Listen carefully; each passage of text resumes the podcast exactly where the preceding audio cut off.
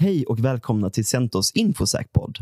Jag har som vanligt med mig Mats här borta, men idag är han faktiskt med på länk. Hallå Mats! Hallå Gustav! Jag tycker jag hör dig bra, så det, det, det båda är gott inför avsnittet tycker jag. Härligt, härligt. Hur är läget med dig?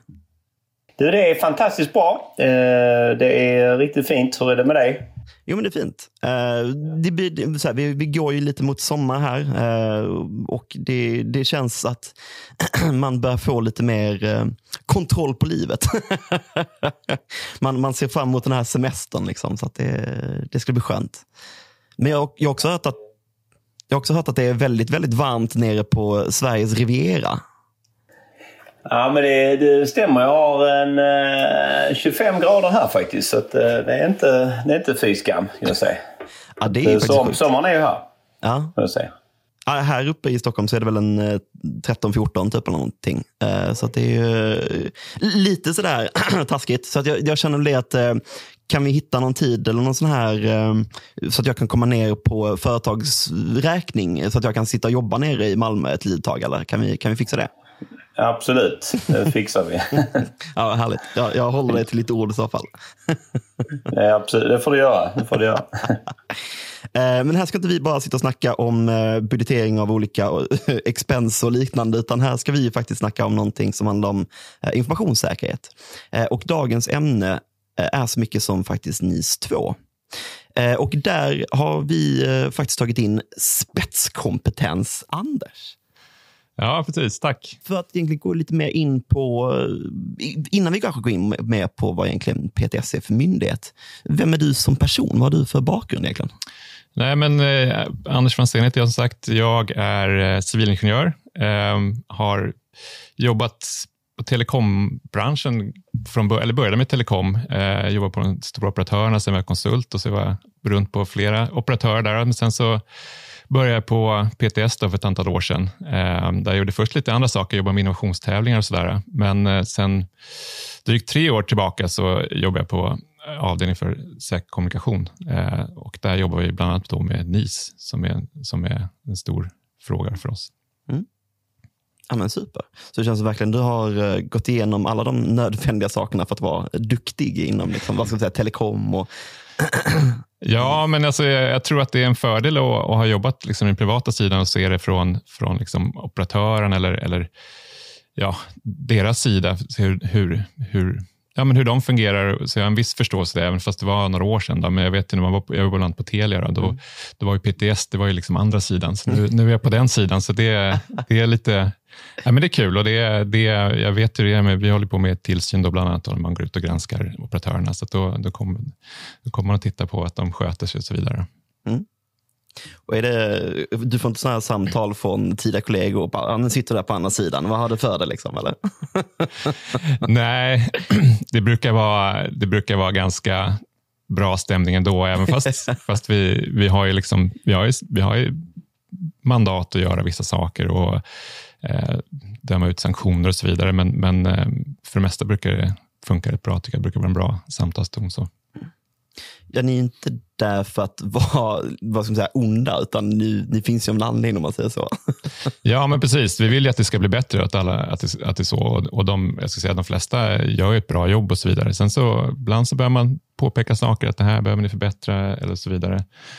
Och sen när vi pratar om ni som vi kommer in mer på det, så, så är det fortfarande ganska nytt. Så det är ju, vi ser det som också att branschen behöver lära sig, anpassa sig och, och förstå vad det här innebär och vad de behöver göra. Så, så att det, en viss startsträcka har vi förståelse för också. Mm. Så det är inte bara säga, tillsyn eller så, utan det är också rådgivande väl, eh, ut mot företagen? Eh, ja, men det kan man säga. Alltså, vi har ju ett främjandeuppdrag, så att vi måste mm. informera och, och sådär, eh, vad det handlar om. Eh, sen är alltid utmaningen med med rådgivande. Vi kan ju inte säga så här Nej. är det alltid, utan, utan det, det kanske vi, om vi gör en tillsyn så kan vi bedöma att de uppfyller kraven och så vidare, men det, vi kan inte eh, bara säga det så på rak arm, för det handlar om beslut och myndighetsövande. Så det, det är lite komplicerat. Vi har ganska mycket jurister då ja. på PTS och, och jag som inte är jurist, då, så, så är det ibland lite svårt att förstå det. Men det, det har börjat, börjat, man blir lite små, eller man blir ganska mycket jurist, även fast man inte är jurist. Eh, eftersom det är det som liksom styr allting. Mm, mm. Eh, men det där kan vara lite svårt kanske, om man inte då, som har teknisk bakgrund med, med juridiken, fall i början, för man tycker att det, det är så svartvitt. Ja. Eh, men men eh, ja, det är väl bara det är så det är. Liksom. Men det är lite som i vår bakgrund, Mats och jag då, som kommer från revisorsyrket så att säga. Det är också verkligen, man får inte vara rådgivande, men man kan på något sätt lämna en, en observation eller så, mm. ah, men det här ser inte så bra ut, så att ni borde kanske fixa det här. Och då, jag hade väl i alla fall lite svårt att kunna eh, eh, hejda mig för att kunna gå in för långt in kanske, eh, för att jag är lite av den naturen att jag ja, men vill lösa problem. Jag vet inte hur du känner Mats? Ja, men det, det är väl lite grann samma sak. Det är väl eh, det är därför vi är där vi är, eh, så att säga. Att eh, hjälper, hjälper bolag så. Men jag är lite intresserad av när, eh, Anders, när ni gör bedömningar, så att säga. Va, hur, eh, hur tänker ni så att säga utifrån men det här? För det är ju inte alltid svartvitt liksom. Utan, eh, om man, om man efterlever eh, olika bestämmelser eller, eller inte. Hur, hur, vad utgår ni från i era bedömningar? Nej, men eh, dels i grunden finns det olika lagar då som, som vi har tillsynsansvar då, som LEK, lagen om elektronisk kommunikation och så har vi, vi NIS då, som vi kommer att prata om. Och NIS, NIS är ett direktiv då, så det kommer från EU då och ett direktiv är, ska implementeras i, i svensk lag. Så de har tagit fram en svensk NIS-lag som säger vissa saker då. Eh, men de där lagarna är oftast ganska, alltså så är det överlag, alltså de är lite övergripande. Sen har då Eh, myndigheten har oftast föreskriftsrätt. Och Då specificerar man mer vad, vad det här innebär i den här lagen. Då. Och då, då tar till exempel om PTS har föreskriftsrätt som vi har för lek och i NIS i vissa fall, då, vissa delar av NIS, så tar vi fram mer detaljerade regler då för, för vad man ska göra och vad man ska uppfylla. Eh, så när vi tillsynar så vi har ju lagen då övergripande, men den, den säger inte så exakt. Då, så då har vi föreskriften som är detaljerad. Så där går man igenom då. Eh, då kan man bestämma, nu ska vi tillsyna till de här paragraferna. Har man till exempel som NIS har vi tillsynat riskanalysen nu senast, några bolag. Eh, då ser man att de kan man dela upp det på olika punkter, olika paragrafer som man väljer och säger, uppfyller ni, har ni riskanalys, har ni gjort bedömning, har ni tittat på de här sakerna? Eh, och förhoppningsvis då så kan man liksom se att de har det och sen så är det, nu i det här senaste fallet såg det bra ut, då, så då hade vi inga synpunkter egentligen. Så att man får, man får använda lite allt möjligt där, men det, det är en utmaning och för det kan bli lite så kantigt kan det kännas från mm. myndighetssida. Ehm, jag vet att vi hade diskussion tidigare, eh, när de, det var inte jag med, men till sina lek, då står det så här, det ska finnas en riskanalys, mm. är kravet. Men vad räcker det? Räcker det att ha en riskanalys med en risk då? Ja, det är en riskanalys. Ja. Ja, ja. Så att det, blir lite, det kan bli såna här saker. Mm. Så att, eh, ska man vara, vara lite sådär, eh, ja, eh, så kan man tycka att det kanske inte räcker, men om man ska vara Peter och enligt vara jurist så säger jag ja, men det är en riskanalys. Så det kan, ja, sådana där diskussioner kan man ha. Det, det, det är ett bra exempel. Jag, jag tänkte just på, på lagen om elektronisk kommunikation som är lite, kan man säga, eh, ja, kanske inte direkt konkret som du säger utan man pekar på att det ska finnas. Sen kan det vara ett jättestort eh, spännband alltid. Man, man gör någonting jättebra men någonting som är väldigt övergripande. Och så har jag uppfattat eh, eh, så att säga NIS när den kom. Nu kommer ju NIS 2. Eh, och där har man ju konkretiserat det väldigt mycket och gjort minimikrav och så vidare. Eh, hur, hur kommer det att påverka er, er tillsyn? Ehm, och så. Som du säger nu, nu är det ju bara ett direktiv eh, och ska ut i, i lagstiftning så att säga och förordningar och så vidare. Nu kommer det att hur tänker ni kring den här förändringen? Ja, men det är en stor förändring. Som sagt, vi har ju NIS idag och så kom ju NIS 2 här, vart det klart vid årsskiftet, det vill säga att man klubbar igenom det i EU eh, och då har då alla medlemsländer 21 månader på sig att implementera det här i sina nationella lagstiftningar. Så det, är ju, det var en kompromiss. Några ville ha 18 månader, ville ha 24, så då blev det 21. Då. Eh, det vill säga att det ska vara implementerat i oktober nästa år. Och det är, det är ganska kort tid Eh, och Dessutom så vart vi lite försenade här. Vi, det har ju startat en svensk NIS, man säger, en utredning då, för att ta fram ett förslag till ny svensk lag. Då. Eh, och den, ja, den vart lite sen, startade lite sent då, eftersom eh, ja, regeringsskifte och de hade väl annat att göra första månaden. Då, så den, den, är precis, eller den kom igång i februari, men vi har första möte här. Jag är faktiskt med som expert i den utredningen också. Så att, eh, eh men det har, det har precis eh, kommit igång. Då, så det är det ska fram ny lag och ska ut på remiss och sen ska det beslutas om lag. Då. Eh, så det är ju det är väldigt mycket som ska göras. Det, är, det blir mycket alltså, som ska skrivas om och sen är det här med föreskrifter som jag sa. Vi har ju föreskrifter idag. De behöver troligtvis göras om. Eh, MSB som har en del av NIS-ansvaret mm. har också föreskrifter som har tagit fram. Vem ska få skriva, ta fram föreskriftsrätt eller vem ska få skriva de här föreskrifterna? Eh, och det måste ju, kan vi inte göra förrän liksom lagen finns på plats antagligen. Då. Så det, ja, det. är väldigt mycket eh, som, som behöver hända. Plus att PTS, det, vi kanske kommer, vi kommer in på det, då, men, men det, det, utökas ju eh, antal aktörer. Ja.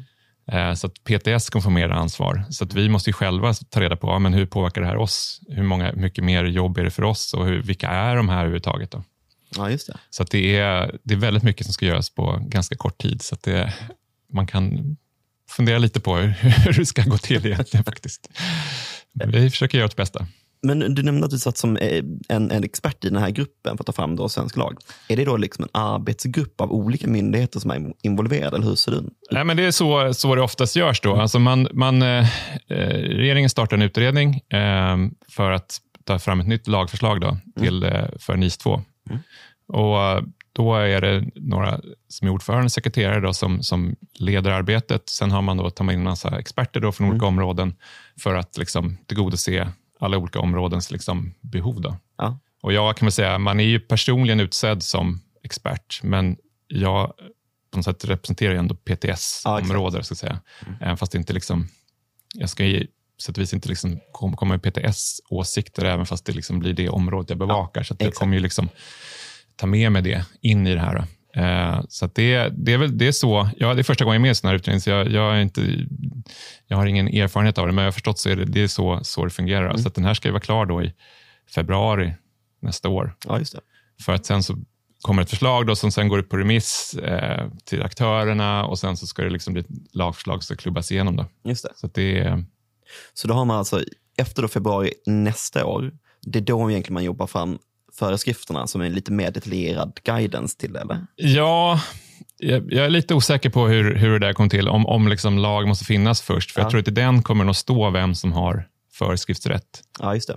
Jag, tror, jag är inte helt hundra på exakt hur det funkar, men, men det, det, det kanske kommer så att vi kommer, kommer få veta det där liksom i, under gång, så man skulle kunna börja förbereda sig de olika myndigheterna. Då. Ja, just det. Just det. Um, men jag vet, det var ju, när NIS tog fram, då var inte jag med, men det, NIS-direktivet, det första kom i 2016 och blev mm. implementerat i svensk lag 2018, då, så det var ju också ganska kort om tid och det gick ganska ja. fort i slutet. Och det, det kan man väl se ibland, det blir, det kan, det, allt blir inte riktigt genomtänkt och sen är det svårt att ändra på lagar. Ja. Ja, det, när det väl sitter så är det ja. svårt att fixa någonting där i. Ja. Så att, eh, vi ska göra vårt bästa för att det blir bra. Men vem hade föreskriftsrätt för NIS 1? Då? Ja, men dels har du MSB då, då ja. som är då, vad ska man säga, samordningsmyndighet ja, för eh, NIS. Ja. Eh, det är ett antal olika sektorer som, som omfattas av NIS, eh, så det är massa myndigheter då som har olika tillsynsansvar för respektive mm. område. Då. Och sen är MSB samordnare, då. de, de heter såna SPOC, alltså single point of contact. Då. Eh, det är dit man rapporterar incidenter mm. eh, och så vidare. Och så de, de samordnar saker. Så de har föreskriftsrätt för, för vissa saker och sen så har i vårt fall har vi föreskrifter för vissa, vissa delar som är mer specifika. Mm. Uh, ja, så, ser det ut. Mm. Innan vi kanske går så tänker jag att vi kanske ska gå igenom vad NIS egentligen är för någonting också. Kommer på. Ja, men det kanske är bra. bra idé. Sånt man glömmer på liksom när, man, när man är ja. i snacket. ja, men lite kort då. Alltså, det står ju för eh, säkerhet i nätverk och informationssystem, eller ja, eh, Network Information Security. Mm. Um, och Ja, men det, man såg ju då, alltså det började ju liksom, det som sagt, det kom, NIS-direktivet kom 2016 och då såg man, ja, men som alla vet, digitaliseringen ökar, vi blir mer beroende av, av digitala tjänster och EU såg att det här, det här behöver liksom bli säkrare, för mm. att vi är så beroende av de här tjänsterna. Så då sa man att det finns ett antal samhällsviktiga områden som, som vi behöver se till att reglera. Då. Mm. Eh, och i NIS då ska vi se om jag kommer ihåg alla här, men, men det är digitala tjänster då, eh, och där ingår DNS och toppdomänen.se.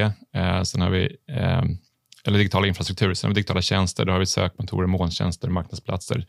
De, de ingår i PTS-området idag. Då. Sen har man eh, energisektorn, transport, eh, hälso och sjukvård, vattenrening, finansmarknaden. Då. Mm. Och så har respektive myndighet ansvar för de här Mm. områdena. Mm. Eh, Så det är Finansinspektionen, eh, Energimyndigheten, Transportstyrelsen, IVO, Mm. Livsmedelsverket, och vatten. Då. Mm. Eh, så det här gäller för alla de här områdena. Så är det- spesat då liksom vilka aktörer inom de här. Eh, och då ska de, de ska liksom eh, arbeta riskbaserat, de ska ha riskanalyser, eh, de ska, man pratar om så här vita tekniska och organisatoriska åtgärder för att Ja. säkra det här. Och sen så, beroende på vilka de är, då, men, men de ska, ja, man ska anmäla sig då, eh, till respektive myndighet. Då, att man, Mm. eh, och Det är upp till liksom, aktören själv att bedöma om man omfattas. Då. Det är Ja, det. Så att, eh, men det finns kriterier då för vad som gäller, då, om man omfattas eller inte. Men det är fortfarande en bedömning som görs ute hos verksamheten då, eller? Ja, om man omfattas. Ja. Sen så kan ju vi, alltså skulle uppenbart att de omfattas fast de säger att de inte gör det så får man ju gå in och titta på det. Eh, En fråga där. Eh, Ni som, ni som tillsynsmyndighet för, för, för, för er sektor. eh, Man pratar ju mycket om ni två att eh, det här bör mycket mer branscher och många fler eh, organisationer och så. Men hur, hur, kommer, hur ser du er, så ser er tillsyn kommer att förändras? Kommer ni att ökas, eh, öka mycket eller hur, hur kommer det se ut? Perspektiv? tänker med NIS 2? Ja. Ja, men precis. Alltså, om man kommer till NIS 2 så, så utökas ju antal aktörer mycket mer eh, i NIS 2. Eh, så det blir ju många fler områden. Alltså, dels har man ju, jag nämnde ju dem i NIS, då, så de, de kvarstår ju fast man flyttar in vissa saker de blir, man höjer liksom hur viktiga de är så att de får det är större, större krav på dem för det finns olika nivåer liksom, i, inom NIS. Eh, men sen så flyttar man in telekomsektorn då, flyttar man in i NIS 2, alltså säkerhetsbitarna. Så den Ja, flyttas det. från lek in, så det in i NIS 2, så det blir liksom en lagteknisk manöver där. Just. Ehm, och Sen har vi något som heter betroddda tjänster, eller finns något som heter e-IDAS-förordningen som Oj, handlar om ja. eh, digitala underskrifter och elektronisk identifiering. Och där är ett delat ansvar. PTS har de digitala underskrifter och validering av sådana, medan eh, DIGG har hand om Mm. e-ID-delen. Så det är vårt ansvar idag, men där flyttar man också in den säkerhetsdelen från eh, det, eh, förordningen in i NIS 2. Då. Så det blir också en sån här manöver som det liksom, i grunden är det samma tänk, det är bara att man vill samla all, all sån informationssäkerhet i ett, ett lag, eller ett direktiv. Då, så det är så man har bedömt. Så det, det blir nytt. Då. Och sen så blir det ett antal nya eh, områden. Då, alltså datacenter kommer också omfattas av NIS 2. Eh, och nu pratar jag bara digitala infrastruktur, så vi tittar ju, jag tittar ju PTS-perspektiv, sen Yes. finns det de andra områdena också. Ehm, och sen så är det, nu ska vi se, det finns något som heter hanterade tjänster eller managed services som inte riktigt vet var det kommer hamna än, det ansvaret. Det, det skulle kunna hamna hos PTS, det ligger ändå ganska nära det känner vi. Nu får vi se, det får den här eh, utredningen visa. Då. Ehm, och sen så kommer till exempel offentliga verksamheter, alla myndigheter och regioner Ja. omfattas av NIS 2. Så att vi själva kommer att omfattas av PTS själva. Så vi får se vem ska till, tillsyna PTS. Då. Klurig fråga. Så det, det blir spännande. Sen så eh, kommuner får vi se. Det, det står att utredningen ska Ta fram det. bestämma eller ja, utreda om kommuner ska omfattas inte. För Ja. Det är en sån stor fråga. Det är så många kommuner och det, skulle, det innebär ett stort jobb för dem. Då. Ja. Så det är väl därför man har liksom, eh, lämnat den frågan till utredningen. Då. Ja. Kommer det bli utökat också för, typ, alltså jag tänker på cloudtjänster och liknande, alla cloudaktörer? Ja, men molntjänster de låg tidigare då under någon del som, en liten del som heter digitala tjänster som inte liksom var lika hård. De behövde inte anmäla sig och så, men de behövde rapportera incidenter och så. Men nu kommer de flyttas in och bli, få högre liksom, viktighetsgrad så att säga, i NIS 2. Så de, Exakt. de, de omfattas ju. Och det, alla de här eh, som omfattas, då, då har man olika så storlekskrav på bolagen för att de ska omfattas, förutom vissa saker som man anpass, anser som viktiga så de ska omfattas ändå. Ah. Till exempel som eh, om du har DNSer. Ja, exakt. Det är, där säger man oavsett storlek Mm. ska man omfattas av NIS 2. Eh, och Det är lite spännande för att det är, i princip då räcker det med att du hostar ett domännamn så skulle det omfattas av NIS 2. Ja, just det. Eh, nu har vi pratat, vi har haft en diskussion med kommissionen där, för att det, jag vet, vi, vi tycker att det, och det är flera som tycker att det är lite märkligt, för det, jag tror att vi pratar med Internetstiftelsen som, som driftar.se Ja. Eh, och Jag tror att det finns vad sa de, 25 000 unika eh, IP-adresser för domännamn, det vill säga som hostar någon, någon typ av domän. Då.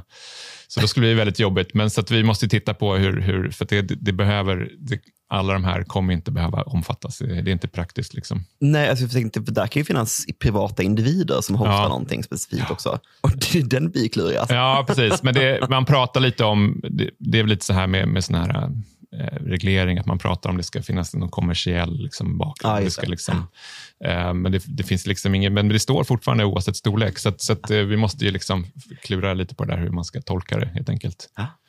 Ehm, ja. Jag det var lite intressant där du är inne på att man lyfter in då olika delar, alltså från lek, alltså från digital identitet och liknande. Ett ofta förekommande ord när man kollar på de här europeiska ramverken är ju harmoniserande. Mm. Det är lite samma touch där antar jag. Ja, men precis. Alltså, det var ju en av anledningarna varför man, man uppdaterade NIS, eller kom med NIS 2. Då, att man, eh, när NIS kom då så var det viss eh, reglering, då, men man lämnar ganska mycket öppet till medlemsländerna att, att bestämma själva. Då. Så att det har blivit väldigt olika hur man gör i olika länder, hur man har implementerat det i sin nationella lagstiftning. Då. Och Det där ser man ju, såg man ju som ett problem, då, för det blir jobbigt för aktörer som jobbar i flera eller finns i flera EU-länder. Att då måste de liksom anpassa sig och, och förstå liksom hur lagarna ser ut i de olika länderna. Så då, det var en anledning till, till NIS 2, att man vill försöka harmonisera det mer. Då. Så att det man gör egentligen är NIS 2, att dels har man mer detaljerade skrivningar. Jag, vet, jag tror att det var som en diskussion om man skulle ha en direktiv eller en förordning när man skapar NIS 2. En förordning den blir direkt eh, ja, den gäller direkt i respektive land. Så då tar man inte fram någon nationell lag. Då blir det liksom, det här gäller. Ja. Så är det med IDAS-förordningen till exempel. Eh, man diskuterar om man skulle ha det, men sen kommer man ändå fram till att man ska ha direktiv så att det ändå blir nationell lag. Men, men den är mer, direktivet är mer specifikt än det var tidigare. Då.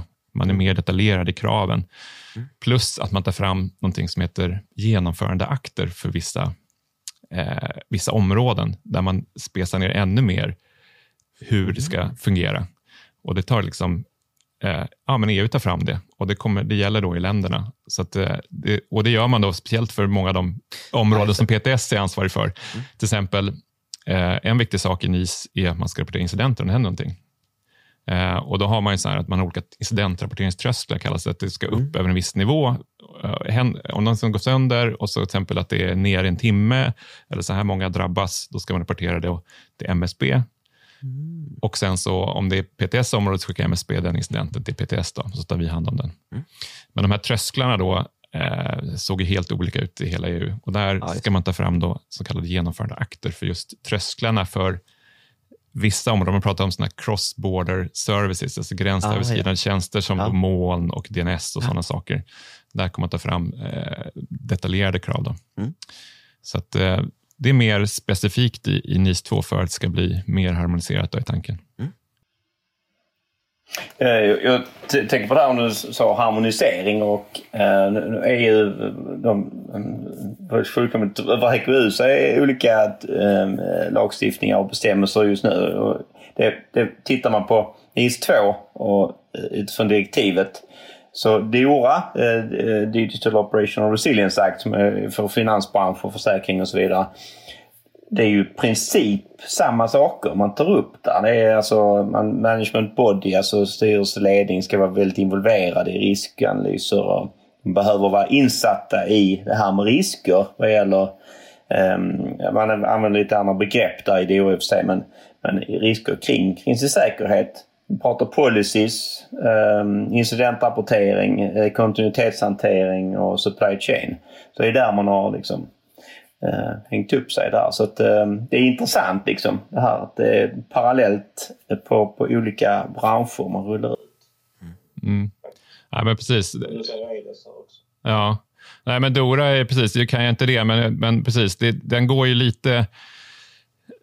Eh, Finansinspektionen är ju också, eller de ska ju också följa NIS 2, men, men jag tror att Dora tar över i vissa fall, för den är mer specifik, då gäller den f- före så att säga, men, men, men, men NIS 2 gäller också. Men, men, nej, men det stämmer ju. Och det är även, NIS 2 är det mycket mer sådana långtgående, ska man säga, verktyg som tillsynsmyndigheterna har, alltså som, som ja, precis, ledningen ska vara involverad och de har ett större ansvar. Och jag tror till och med liksom, om det går riktigt långt skulle man liksom kunna gå in och ta över styrningen eller ledningen av ett, Mhm. ett bolag i, liksom i värsta fall, eh, enligt NIS 2. då. Så det, och man kan, det är mycket högre sanktionsavgifter och, och så vidare. Så det, man får många mer verktyg då, som tillsynsmyndighet i NIS 2.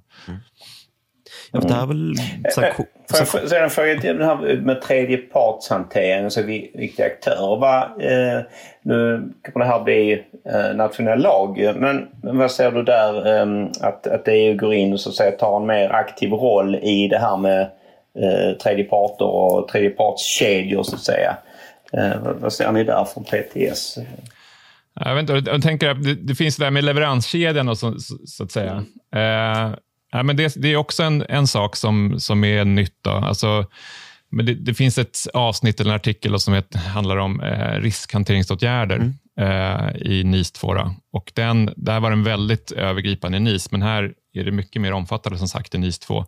Och där pratar man bland annat om säkerhet i leveranskedjan, det vill säga att man, man måste ha koll på sina leverantörer. Att, ja, att de ska säkra upp att man kan ja, ha, ha liksom, att de också kanske har riskanalyser och var kommer sakerna ifrån och hur jobbar de och så vidare. Sen exakt hur det ska gå till, det, det står ju inte, liksom, men det, det finns ett krav på att man måste, även i NIS 2, då, att det här med leveranskedjan måste man säkra upp.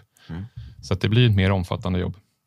Vilket också har såklart, det, det har ju påverkan också på alla andra parter som inte kanske är direkt omfattade av NIS 2, men som får det i, vad ska jag säga, i ja, men, tredje hand så att säga. Att det blir ju på något sätt att ja, men den som är omfattad av NIS 2 kommer att ställa krav på dem som levererar till dem. Ju. Mm. Ja, nej, men precis. Så, så, så borde det bli. Så det, det, det är fler som kommer behöva liksom förstå vad det handlar om. Ja. Ehm, sen kan man ju säga, alltså, i grunden är det inte, det är inte jättekonstigt och det är en, det är en miniminivå på det här. Så det, är, det är att man ska liksom jobba riskbaserat och ha riskanalyser. Och, alltså, lite som, ja men det här kan ju ISO 27000-tänket eh, kan man ju säga, även om inte liksom, man pekar på en, just den standarden. Men, men det är i grunden mycket det det handlar om. Så att säga. Ja, för från det man har kikat lite på NIS 1 och, och NIS 2, det är, det är väldigt mycket, man ser att de har hämtat lite inspiration potentiellt från, från ISO 27001 och, och liknande ramverk. Ja, men så eh, det, det, det gör det nog. Och, och som sagt, och sen, man ska även ta fram, jag pratade om de här genomförandeakterna förut, och man ska även ta fram genomförandeakter för riskhanteringsåtgärder Exakt. för vissa områden. Då, då. Eh, och vi har sett lite utkast på det där och det är ju, det är ju precis, det påminner mycket om ISO 27000. Man, man brukar också mappa en del mot NIST eh, och, och lite andra standarder, men, men, men, men det är ju liksom mycket det som är grunden fortfarande. För det är ju det som egentligen skapade det systematiska arbetet med att kunna hantera risker. Att man ska kunna identifiera dem och sen så egentligen genom hela livscykeln på något sätt hantera dem på ett vettigt sätt och kunna bevisa det till er till exempel, antar jag. Ja, men precis. nej, men, nej, men så är det ju. Alltså, vi har sagt, vi gjorde en riskanalystillsyn här för NIS då, i Mm. höstas, eh, där vi tittade på just, vi begärde in riskanalyser, tittade på vad har de liksom med alla de risker man kan tänka sig, alltså som, som ändå, då, då kollar vi mot de här föreskrifterna som vi har. Eh, Så har de med liksom alla de områdena, uppdaterar dem årligen, eh, vad har, hur ser processen ut, eh, sparar de informationen, det ska sparas i fem år och sådana saker står i våra föreskrifter. Så, att, så att det, ja. Men du var, ju du var inne på någonting som var ganska intressant tidigare med att ja, men en riskanalys med en risk är fortfarande en risk. Men finns också något sätt, alltså det måste fin- finnas en bedömningsgrad att ja, men det här är kanske inte riktigt tillräckligt så att det här måste ni förbättra er. Eller hur, hur gör ni där egentligen i sådant? Ja, men det där är ju lite trickigt. Ja. Alltså, så är det ju. Ehm, man kan ju tänka sig, man har en eh, riskanalys och så har man liksom inte alls tänkt på det här med brand. Mm, exakt. Eh, och där, där, där, våra föreskrifter ser ut så att det här ska man ha och sen finns det liksom allmänna råd också. Och det är lite mer fluff, det är inte liksom skarpa krav. Men vi har inte, nu har vi inte liksom ställts inför det i exemplet just, men, men säg att de inte skulle ha någon, alltså inte hanterar brand överhuvudtaget. Ja, ja. Men de har ingen brandskydd Ja. i sina lokaler eller sin serverhall. Då skulle vi nog tycka att det är någonting de borde Ja, till exempel. Men nej, då, då är det väldigt tydligt liksom att det här har de inte. Men sen så det är svårt det här med sån här åtkomstkontroll eller Mm, mm. onboarding, offboarding. Alltså hur, hur detaljerat ska man ha sådana krav Ja. och risker runt det? Liksom? Ja. Det är där, där vi kommer ut och, och arbetar, då kollar vi väldigt mycket på risken i sig själv. Men finns det en risk? Då kan vi säga, ja, men i intern revision, men har ni tänkt på den här risken? Och kanske de säger nej, men okej, vi ser det som en risk. Och håller ni med om att ni ser det som en risk? Ja, men det kanske vi gör. Mm. Men så här, då det blir det alltid, det blir som du säger, det blir en tolkningsfråga. Och det blir lite svårt att driva igen den om man egentligen bara lutar sig på att vi har uppfyllt reglerna. Men sen ska det liksom en vidare bedömning göras efter reglerna tar slut i princip. Mm. Ja, nej men precis. Ehm, nej, men det där är, det, det, det är lite svårt och just, just när man tillsynar så där så, så blir det inte... Vi kan inte...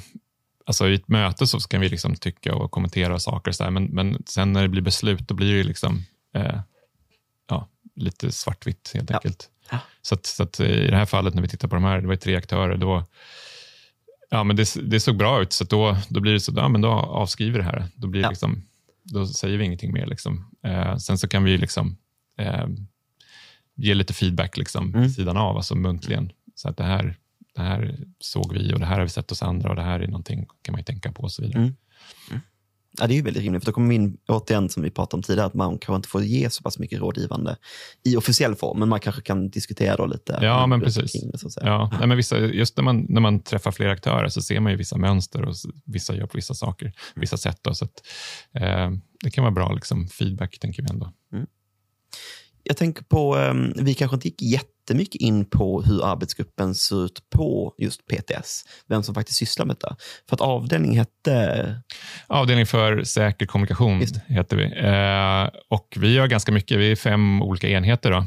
Eh, och vi har en del som jobbar med robusthet och liksom, eh, totalförsvar. Och, alltså, PTS ger bland annat pengar till för att, för att ja, men, eh, bygga, alltså, ge pengar till operatörerna för reservkraft eller dra extra fiber och så för att höja robustheten i Sverige. Ja. Så det är en, del, det är en främjande del. Ja. Och Sen så har vi då eh, en enhet som, jobbar- enhet som jobbar med säkerhetsskyddslagstiftningen som jag inte är så bra på. Eh, det är lite mer hemligt. Ja. Och Sen har vi två enheter som jobbar då bland annat med NIS och LEK eh, och även här betrodda tjänster eller Mm. EIDAS. Och Sen finns det en del som också heter datalagring som är, alltså operatörerna måste lagra data för brottsbekämpande syfte. då. just det. Så det är också en del som vi, det är också en del i, i LEK, då, hur, hur, vad för skyldigheter de har. Mm. Så att eh, vi är, vi var nog tre, fyra stycken jag började som jobbar med NIS, inte på heltid då, utan Mm. vi är flera saker. Då. Men nu, vi växer Mm. och blir fler och fler. Så vi, kommer, vi blir fler. Nu är vi en fem, sex som börjar titta på NIS eftersom vi får mer och mer att göra. Så Mm. att vi, vi, hela PTS växer faktiskt, men just de här delarna växer ännu mer. Det kommer ju Ja. sagt nya direktiv och utökade direktiv så att vi får, vi får mer att göra. Ja. Jag antar att ni har sett det komma som ett, ett, ett brev på posten med att ah, okej, nu utökas NIS 2 till exempel väldigt mycket. Vi kommer behöva fler resurser och kunna spendera lite mer tid med det, antar jag. Ja, men så, så är det ju. Ja. Eh, verkligen. Och det, det, är, sagt, det är fler aktörer, fler områden, mer omfattande lagstiftning. Så det, det blir mer jobb. Sen kommer det massa, ja, men som jag var inne på, det kommer ännu fler direktiv eh, som delvis också kommer hamna på PTS antagligen. Då. Mm, mm. Så att, eh, ja, det blir, det blir mycket att göra. Ja, det förstår jag. Ehm, jag, jag känner att vi har gått igenom ganska mycket och jag ser att vi börjar dra ut på tiden också faktiskt. Uh, men om, om du, vi tittar lite in i framtiden, vad tror vi där? För att vi, vi har ju tidigare spånat och vi har sagt nu kanske under samtalet att ja, vi ser ju att det kanske kommer fler direktiv. Men om du skulle framtids, uh, ja, men spåna lite, vad, vad, vad sker i framtiden med NIS 2 och liknande saker? Ja, men NIS 2, som sagt, där, finns ju en tidplan för lag och så där som ska implementeras och, och PTS måste ju anpassa sig och fundera på hur det här påverkar oss och hur vi ska organisera oss och vad vi kommer att göra. Så att det, det är ju ett stort jobb som vi har sett på NIS hur lång tid det har tagit. Liksom, dels för eh, marknaden att förstå vad det handlar om och för oss att liksom, eh, tillsyna liksom från, från början till, liksom, vi har ju börjat med enklare tillsyner och mer, mer, mer på djupet. Då. Ja. Så det kommer ju vara ett stort jobb och sen som sagt kommer det nya direktiv. Eh, jag vet inte om det talas om Cyber Resilience Act jo, ja. som håller på och eh, ja, arbetar inom EU nu då, under svenskt ordförandeskap, så det är många som jobbar med det. Då, mm. Som ju eh, ställer massa krav på produkter och tjänster, det vill säga alla, alla prylar vi har hemma som är uppkopplade och tjänster mm. då, som mm. får massa säkerhetskrav. Så det, och det skulle kunna eh, kunna hamna hos PTS till viss del. Ja, eh, så det, det blir, kan ju också bli en stor sak. Sen har vi DSA, Digital Service Act, eh, som handlar om innehåll i tjänster, där mycket de här eh, stora sociala plattformarna bland annat. Mm. Men alla som de är beroende av, alla ja, men DNS och CDN och allting som finns under där är också omfattas det. Ja. Och det ligger också hos PTS nu till, ja. till, till viss del. Så det, det kommer väldigt mycket Eh, man kan, ibland kan man nästan undra hur man ska få ihop det här, men, men det, det får väl gå på något sätt. Ja. Alltså det är viktiga saker tycker jag fortfarande, så det, det, det, ja, men det är viktigt att det blir, blir bra, att det, man kan använda de här tjänsterna så att man vet att de, det finns en viss grundsäkerhet som, som, och att det är någon som ja, men tillsynar den. Då. Ja. Och om vi tittar specifikt på NIS 2, vad tror du de, de största utmaningarna kommer bli egentligen? Där? För, för både er, men också kanske för marknaden och verksamheter som är... Ja, Nej, men jag tror en utmaning som vi var inne på det är tidsaspekten. Alltså ja. Det är ganska ont om tid. Eh, så det, det blir en utmaning. Sen de nya aktörerna som inte omfattas idag, de måste förstå vad det handlar om mm. eh, och eh, lära sig. Och vi PTS måste förstå vilka de är, ta reda på vilka de är. Så det är liksom ömsidigt där. Ja. Och Det som också är nytt och NIS var att alla, eh, det, ska finnas, det ska finnas ett register, så att alla måste registrera sig för en viss tidpunkt där i början av 2025. Blir det, va? Mm. Så att då blir, blir det skarpt. Ja. Så då ska man liksom vi vet, bör veta vilka det är och vilka som, som de ska anmäla sig till. till. Vi får se vem, var det här registret kommer hamna och vem som har hand om det. Ja, men det är ett nationellt register i alla fall. Men då, eh, eh, ditt budskap här är att inte vänta till det här blir lag utan eh, börja titta på det här redan nu kanske? ja, men det är väl en jättebra idé att börja titta på det nu. Nu finns det inte så mycket, alltså det finns ett direktiv att titta på och sen så eftersom det pågår en utredning så, så kan inte den komma så mycket information. Men man kan fråga utredningen, man kan fråga oss eh, om man vill veta mer såklart. Och har man liksom synpunkter på hur man utformar lag så ska man kontakta, kan man kontakta utredningen också. Eh, nu kommer det komma ut på remiss också, men, men, eh, men sagt, börja, det finns, vi har viss information på vår hemsida. MSB har, har också information som är sammanhållande myndighet då, eh, om det här.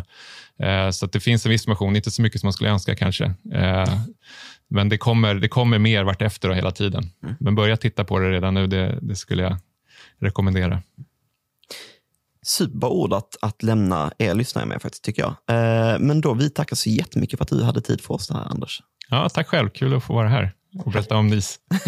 Härligt att höra. Eh, men eh, då, då säger vi hej då till dig också, Mats, i, i soliga, soliga, varma Malmö.